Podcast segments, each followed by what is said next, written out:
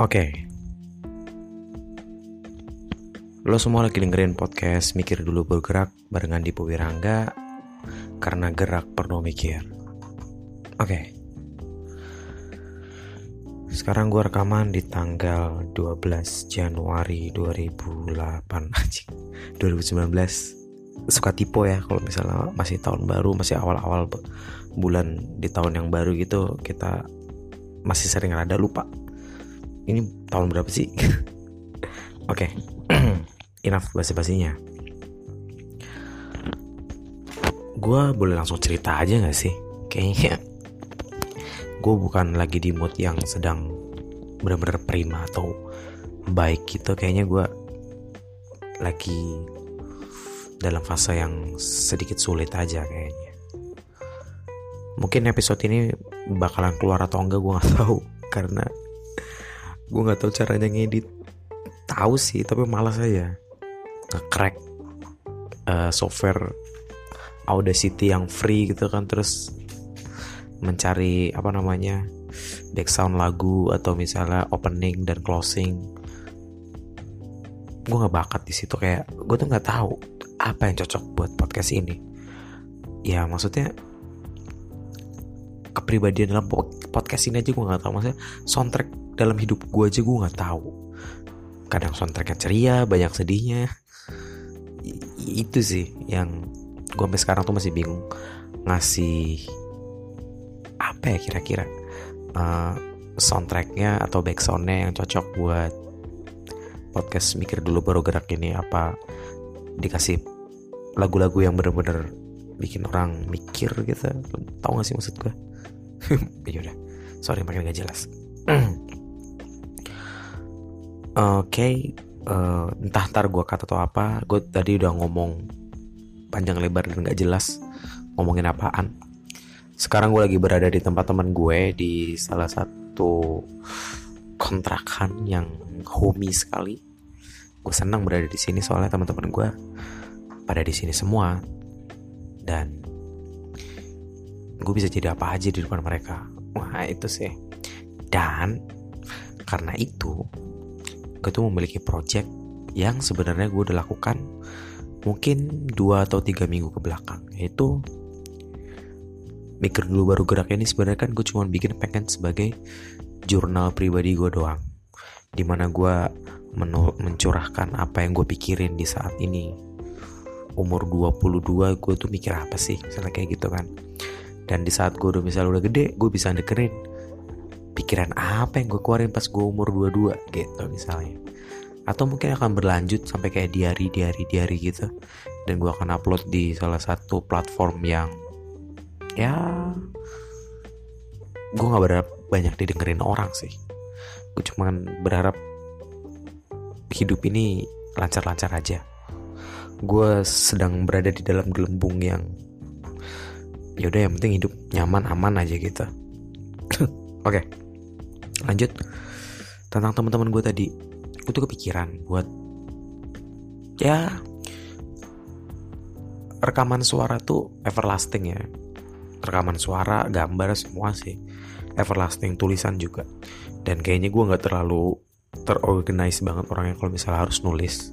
Apalagi tentang teman gue banyak barriernya. Kalau misalnya gue pengen nulis tentang teman gue ini itu ini itu ini itu dan banyak hal yang mungkin detail-detail yang gak akan gue lupa saat gue menuliskan tentang teman gue jadi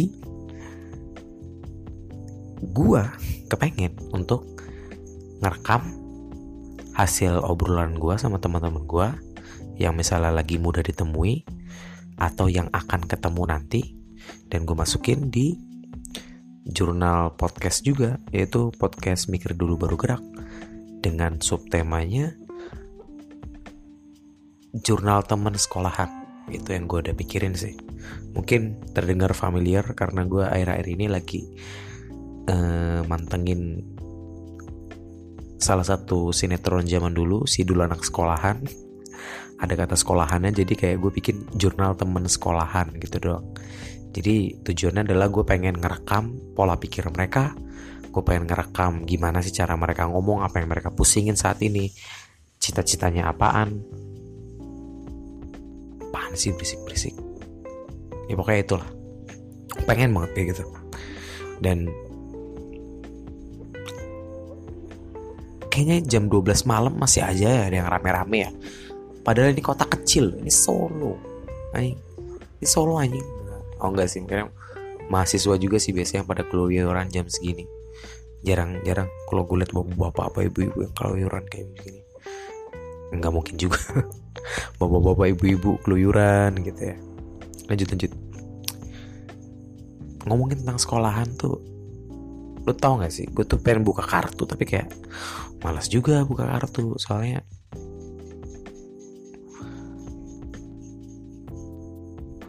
isu agama sekarang sedang menjadi topik yang hangat gitu kan. Dan gue kayak apaan ini misalnya agama kok ina itu ina itu gitu kan. Jadi kesannya orang yang sangat beragama itu sangat norak gitu kan kayak. Hmm, gitu kan. Oh iya ada lagi satu tweet. Gue lihat di tempat twitternya teman gue dia nge-tweet cara menjadi toleran. Belajar agama coret. Ikut pengajian coret. Uh, berteman dengan sesama coret bergaul dengan lingkungan coret. Yang dicentang cuman bercandain agama. Anjing itu lucu banget sih menurut gue itu pecah sih teman gue maksudnya nyindirnya pas gitu loh dan cara nyindir orang dengan uh, lawakan-lawakan seperti itu dengan seni itu kayaknya lebih berkelas daripada yang gue lihat air-air ini yang saling adu urat gitu ya uh, saling adu argumen dengan cacian. Nggak cacian juga sih. Mungkin ada sindir-sindiran tapi kok kasar gitu loh sindiran ya gue kadang-kadang suka heran sama rakyat-rakyat. Bukan rakyat sih maksudnya maksudnya adalah netizen-netizen di Twitter. Kayaknya apaan sih? Dikit-dikit bahas cebong bersatu atau kampret bersatu lah. Apa sih gue bilang? Kayaknya sulit bagi mereka buat adem gitu ya. Karena 2019 kayak benar-benar terpolarisasi. Jadi dua aja. Ya itu. Jadi gue tuh agak ragu nih gue pengen bilang bahwasannya aku adalah uh, dari SMP sama SMA gue adalah salah satu santri di pondok pesantren gitu kan. Hmm, entah kenapa gue jadi kayak ragu untuk ngomong ini. Padahal seharusnya gue bangga entah sih di zaman sekarang Padahal dulu gue bangga loh mempunyai ilmu-ilmu atau teori-teori yang mungkin orang-orang luar itu nggak paham. Tapi gue tuh udah paham duluan. Atau enggak gue tahu dan tinggal meraktekin aja. Sedangkan mungkin ada orang-orang yang sama sekali nggak tahu teori dan buru-buru praktek kalau misalnya nggak tahu teori gitu kan. Sebenarnya gue udah ada, ada di posisi yang beruntung di mana gue kayak bisa mempelajari agama dengan benar bukan lewat sosmed bukan sarjana IG gitu kan. Apalagi ustadz ustadz sosmed aduh parah sih gue ngeliat zaman sekarang. Gitu kan. Terus gue ragu gitu kan kayak ngomong aku nih dulu nyantri gitu kan.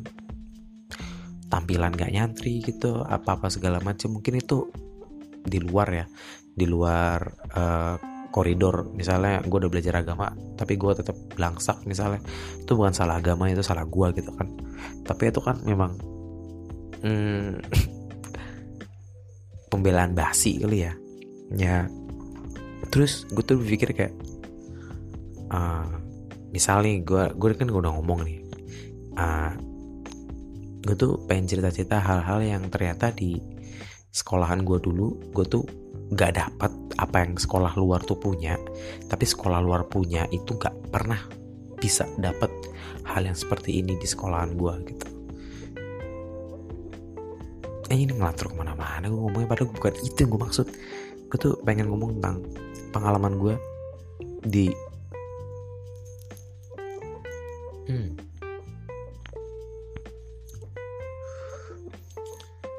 diajakin mandi sama mbak-mbak kapster salon. Anjing sumpah. Pernah bayangin gak sih kayak misalnya lo tuh masih kecil kayak itu masih SMP gitu kan lu nggak tahu ya mungkin hitungannya gue masih kecil sih kelas 2 SMP apa kelas 3 SMP gitu kan. Dan lo tuh orang yang bener-bener terisolir dari dunia luar. Lo tuh terisolir apalagi gue nyantren ya gue mondok ya. Gue mondok terus gue tuh nggak tahu dunia luar tuh kayak gimana. Gue nggak tahu tempat-tempat yang aneh-aneh itu gimana yang ada di sekitar sini. Dan gue nggak tahu apa-apa tentang itu. Dan suatu hari di saat liburan bukan liburan sih maksudnya kayak uh, short break time gitu loh. Lo boleh keluar dari arena penjara isolir lo itu. Terus lo tuh beli kebutuhan lo. Lo jajan makan habis itu lo dalam kurun waktu 6 jam gitu terus balik lagi. Itu apa ya? Gue tuh rambut gue kan udah gondrong waktu itu gue kelas 2 SMP gitu kan. Udah diwanti-wanti juga masih senior senior kayak potong rambut potong rambut kayak gitu kan. Udah diwanti-wanti habis itu ya udah gue keluar makan jajan biasalah. Ngewarnet karena di zaman itu di di tahun 2010 kali ya warnet itu masih merajalela kan. Nggak kayak sekarang mungkin wifi yang merajalela. Gue tuh abis ngewarnet terus gue tuh aduh tinggal sejam lagi gue harus ke salon nih apa gue harus potong rambut atau apa. Gue tuh nyari tempat buat potong rambut. Nah tempat potong rambut Madura tuh yang murah meriah biasanya. Terus abang-abangnya friendly bisa diajak ngobrol bisa diajak uh, mas kepala saya cocoknya dikasih gaya rambut apa yang gitu gitu itu tuh lagi penuh buat teman anak-anak kan yang ngantri buat potong rambut dan itu yang aduh gila nih gue harus pilih tempat yang lain gue jalan cepet-cepet gue cari eh mana nih yang mana mana gue nemu salon salon di deket salah satu universitas ternama di Solo gitu kan. Terus gue potong rambut di sana. Harganya agak lebih tinggi dari yang biasanya kan. Kalau misalnya potong Madura 8000 gitu kan. Di sono 15000. Tapi gue pikir ya nggak apa-apa lah sekali-kali ini dan juga nggak akan apa namanya nggak akan bikin gue jatuh miskin dan juga gue akan selamat dari keterlambatan soalnya kalau misalnya dulu lo dikasih waktu 6 jam dan lo telat masuknya lo tuh bisa di bukan dipotong gimana sih uh, jambang lo tuh digunting gitu rambutnya tuh kayak aduh jelek banget kan gue pikir. Makanya gue buru-buru kan terus gue set potong rambut. Potong rambutnya tuh biasa lah kalau di salon kan antara lo dipijitin antara lo disenyumin sama mbaknya atau enggak antara lo dicuciin rambutnya. Ya biasa sih sebenarnya. Tapi pas gue uh, potong rambut cekek cekek cekek cekek mbaknya senyum senyum gitu baru keluar ya mas. Digituin gue kayak eh ya ngerti sih. Maksudnya kan di lingkungan situ kan ya memang terkenal ya seragam santri gue ada gitu kan. Dan kayak seragam sekolah gitu kayak warnanya hijau gitu kan. Kayak SD Press gitulah apa kayak madrasah pembangunan. Gitu kan. Terus iya gitu baru keluar gitu kan. Masih polos-polos gitu kelas 2 kelas 3 SMP gitu kan. Terus gue yaudah habis ini uh, dikeramas rambutnya oh iya. Terus gue berdiri gue jalan ke belakang gitu kan ada yang buat tiduran gitu. Terus dicuciin rambutnya gitu. Terus si mbaknya nanya sama gue kayak kalau di dalam tuh emang ngapain sih kalau kamu habis ini? Kan udah jam 5 gitu kan. Dia nanya gue tuh gak jawab jawab se bukan sekenanya sih seinformatif mungkin waktu itu gue kasih tahu. Ya kalau jam segini nanti balik terus mandi terus pergi ke masjid sholat ya gitu mbak gitu. Ih terus dia ngomong kan nih jam 5 kurang 15 nih gitu kan. Apa nggak mau dimandiin sekalian? gitu. Anjir gue gue tuh kayak wuh, di kelas pas masa-masa itu kayak apa ya namanya anak-anak puber gitu ya gue tuh antara bingung ketawa dan nggak tahu harus ngapain gitu kan. Eh, nggak usah mbak. Bisa sendiri gitu gue jawabnya. Wah bener-bener waktu itu gue bingung-bingung gimana. Terus mbak cuma ketawa-ketawa sim-sim doang. Ibarat kayak apa sih milf milf ngajarin bocah gitu. Itu itu yang gue pikirin kan dan ya udahlah gue pikir gue nggak akan nyampe situ sih pikiran gue waktu SMP untuk ngiain gitu kan dan buru buru buru kayak gitu. Nggak akan gue tuh pikiran gue cuma cepet balik dan aman dari hukuman. Nggak ada pikiran-pikiran lain. Nah yang baru gue sadar sekarang adalah waktu gue tanya waktu itu ke tempat-tempat eh bukan ke tempat waktu gue liburan kan gue tanya ke, tem, uh, ke temen gue yang orang Solo kan ya itu emang salon gini gini gini ya salon yang ini. Dia tuh jawabnya iya kalau lu mau cari temen tebengan atau apa atau goncengan di sana tuh mau nyediain kayak gitu. Nah gue kaget. Gue tuh mikir gue cuman pengen potong rambut. Gue tuh cuma pengen potong rambut waktu itu. Terus kayak buset gitu kan. Apalagi gue masuk dalam pakai seragam sekolah seragam gitu kan. Kayak SD Impress SMP Impress gitu kan. Terus gue tuh waktu itu ngantri. Gue tuh ngantri sama seorang mas mas mas mas biasa lah pekerja kayaknya. Tapi kayak entah dia pengen potong rambut pengen ngapain di sana kan. Terus untungnya gue tuh mengetahui ini sebelum itu kejadian. Kalau misalnya gue mengetahui ini saat gue duduk di situ kayak gue tuh pengen ngomong apa sama masnya? Kayak itu mas uh, potong rambut gitu. Kayak kan dikira ntar mau potong jembut sama dia. Nah itu sih. Nggak terlupakan bagi gue tapi ya bener sih. Kadang-kadang gue nggak tahu gara-gara gue terisolir atau apa gue tuh nggak tahu lingkup sosial orang atau lingkup uh, strata sosial yang gitu gitulah mungkin aja hmm. mungkin aja yang gue alamin ini nggak dialamin sama orang-orang karena dia nggak pernah ke tempat kayak gitu atau misalnya apa yang gue alamin ini sebenarnya jauh lebih ringan. Ringan sih maksudnya.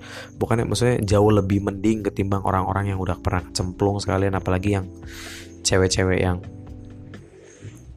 terjebak dalam dunia itu lo tau gak sih? Maksudnya yang harus biayain adiknya makan atau harus atau dipaksa bapaknya buat nyari duit apa segala macem yang sinetron sinetron Indonesia itu tawarkan ke kita tuh gue tuh kepikiran itu semua waktu gue SMP dan ya udahlah gue mikir emang hidup ini kayak gini gitu. Ya gue harap sih apa pun pekerjaannya harusnya lo bersyukur sih harusnya bersyukur dan Eh, nggak uh, ada pekerjaan yang rendah menurut gue tapi kalau bisa pilihan itu adalah pilihan terakhir. Kalau lo kayak merasa nggak punya pilihan sebenarnya lo punya tapi lo harus cari terus pilihan itu. Ya ini pandangan positivis banget ya tapi ya udahlah. Gue pengen jadi orang yang positivis aja well thank you buat yang udah dengerin podcast mikir dulu baru gerak di tanggal 8 Januari ini gue rekamannya dan semisal ada yang pengen request-request atau apa gitu ya request cerita aja gitu mungkin podcastnya isinya cerita atau pemikiran-pemikiran aja gitu atau konsep-konsep kehidupan yang terbaru bisa sampein aja lah ke IG gue nanti gue kasih dah di kolom deskripsi oke okay. See you for the next episode of podcast Mikir Dulu Bergerak. Bye-bye.